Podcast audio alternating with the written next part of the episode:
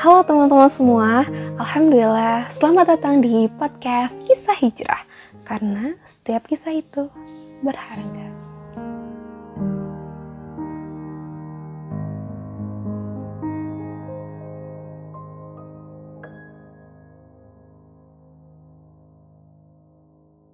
Assalamualaikum warahmatullahi wabarakatuh jadi hari ini insya Allah kita akan memulai podcast kita tentang podcast hijrah.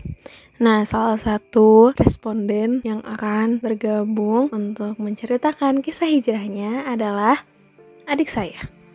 Halo semuanya, Assalamualaikum. Waalaikumsalam warahmatullahi wabarakatuh. Apa kabarnya? Alhamdulillah baik.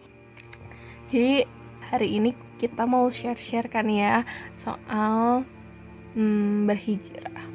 Nah, menurut kamu nih, hijrah itu apa sih?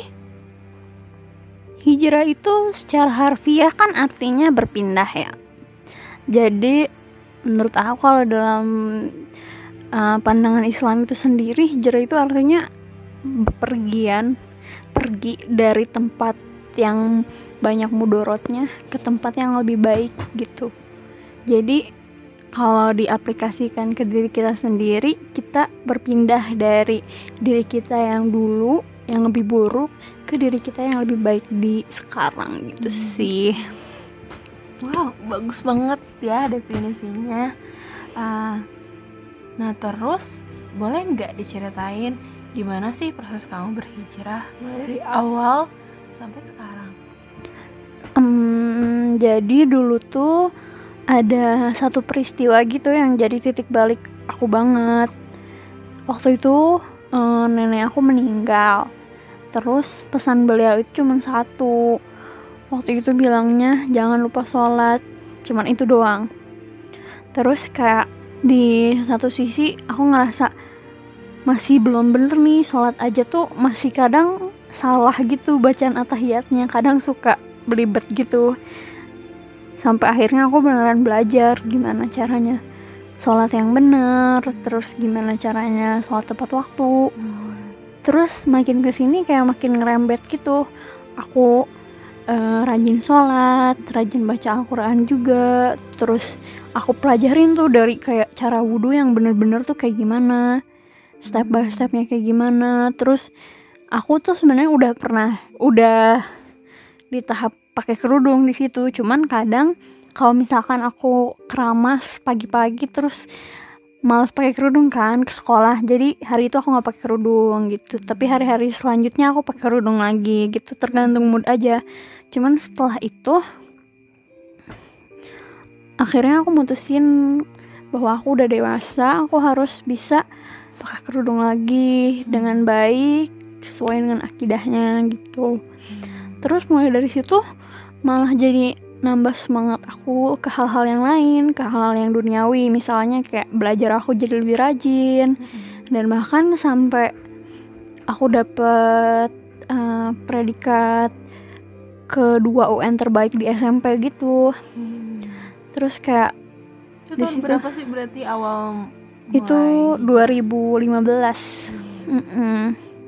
soalnya nenek aku meninggal tuh Maret 2015 kan. Hmm dan UN tuh sekitar Mei 2015 terus kayak bahkan itu kayak udah deket banget gitu loh. Terus aku masih bisa prepare segalanya karena mungkin dibantu kemudahan dari Allah juga gitu. Terus sampai akhirnya sekarang tuh gimana hijrahnya? Sebenarnya sih uh, aku yang saat ini tuh sedikit banyak dipengaruhin sama lingkungan aku juga hmm. jadi lingkungan penting mm -mm.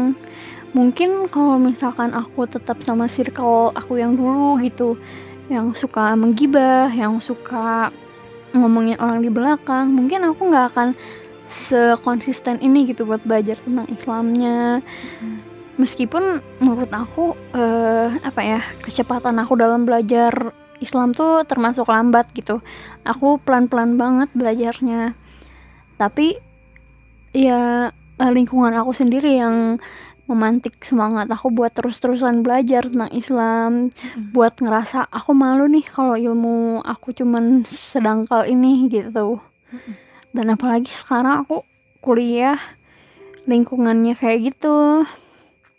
Teman-teman aku di uh, Masjid Salman juga pada suportif kalau aku belajar tentang Islam. Bahkan uh, teman aku yang lain tuh masih ada yang pakai jeans masih ada yang kerudungnya dilempar. Lempar di apa sih namanya kayak dikebahuin gitu. Oh, iya. dilempar kan ya. Tapi semua orang di sana tuh welcome dan hmm. kayak nggak ngejudge gitu. Hmm. jadi aku ngerasa kayak meskipun ilmu aku masih dangkal meskipun aku belum segimananya berpakaiannya mungkin di beberapa titik masih belum sesuai syariat atau kayak gimana tapi masih ada gitu celah buat belajar di situ. Dan semua orang suportif menurut aku itu hmm. juga yang membantu aku sedikit banyak. Oke okay, it's nice really jadi setelah kurang lebih berarti lima tahun hijrah nih ya mm -mm. apa sih yang kamu rasain setelah berhijrah Hmm, menurut aku sih uh, cara pandang aku terhadap suatu hal tuh jadi berubah gitu. Hmm. Kayak aku sekarang lebih banyak nimbang-nimbang gitu tentang apa yang harus aku lakuin gitu. Hmm. Kayak misalkan dalam kehidupan sehari-hari nih, aku tahu gitu aku nggak boleh nyentuh cowok gitu. Terus kayak sebisa mungkin aku jaga jarak gitu. Hmm. Meskipun itu di kampus yang notabene nya kayak ya udah semuanya campur baur aja gitu cewek cowok kan. Terus kayak karena akunya juga orangnya friendly gitu ya. Self claiming banget maaf. Jadi orang-orang juga ngerasa meskipun aku ngejaga jarak tapi mereka tuh bukan yang ilfil atau gimana tapi mereka justru cenderung hormat gitu. Hmm, menghormati ya menghormati bahwa aku emang udah ada di batasan itu gitu. Hmm. terus aku juga ngerasa kayak teman-teman yang datang ke aku dan aku yang mendatangi majelis-majelis tertentu tuh kayak udah jadi circle aku tersendiri gitu kayak teman-teman yang gak cocok tuh tereliminasi dengan sendirinya gitu hmm, kayak ada law of attraction gitu mm -mm. jadi kayak meskipun aku sama dia punya ketertarikan yang sama di satu hal tapi dia nggak bisa bantu aku buat jadi lebih baik atau aku juga belum punya kapabilitas buat bantu dia ya lama kelamaan kita jalan masing-masing aja gitu hmm. tapi sebenarnya kalau dari cara aku ngomong dari pembawaan aku sebenarnya belum banyak berubah dari dulu. Masih suka bercanda masih suka ngeyel dan sebagainya. Ya mungkin seharusnya dikurangin cuman ya mungkin ini juga sifat bawaan aku ya. Jadi emang masih susah gitu. Tapi ya I try to at least I want to be the better version of me. Mm -hmm. jadi aku pengen uh, sedikit-sedikit memahami gimana sih seharusnya wanita dalam Islam gitu. Sebenarnya hijrah itu adalah sebuah proses kan ya, proses yang gak mudah dan proses yang panjang. Tapi bukan berarti kita harus takut untuk berhijrah kan ya? Iya.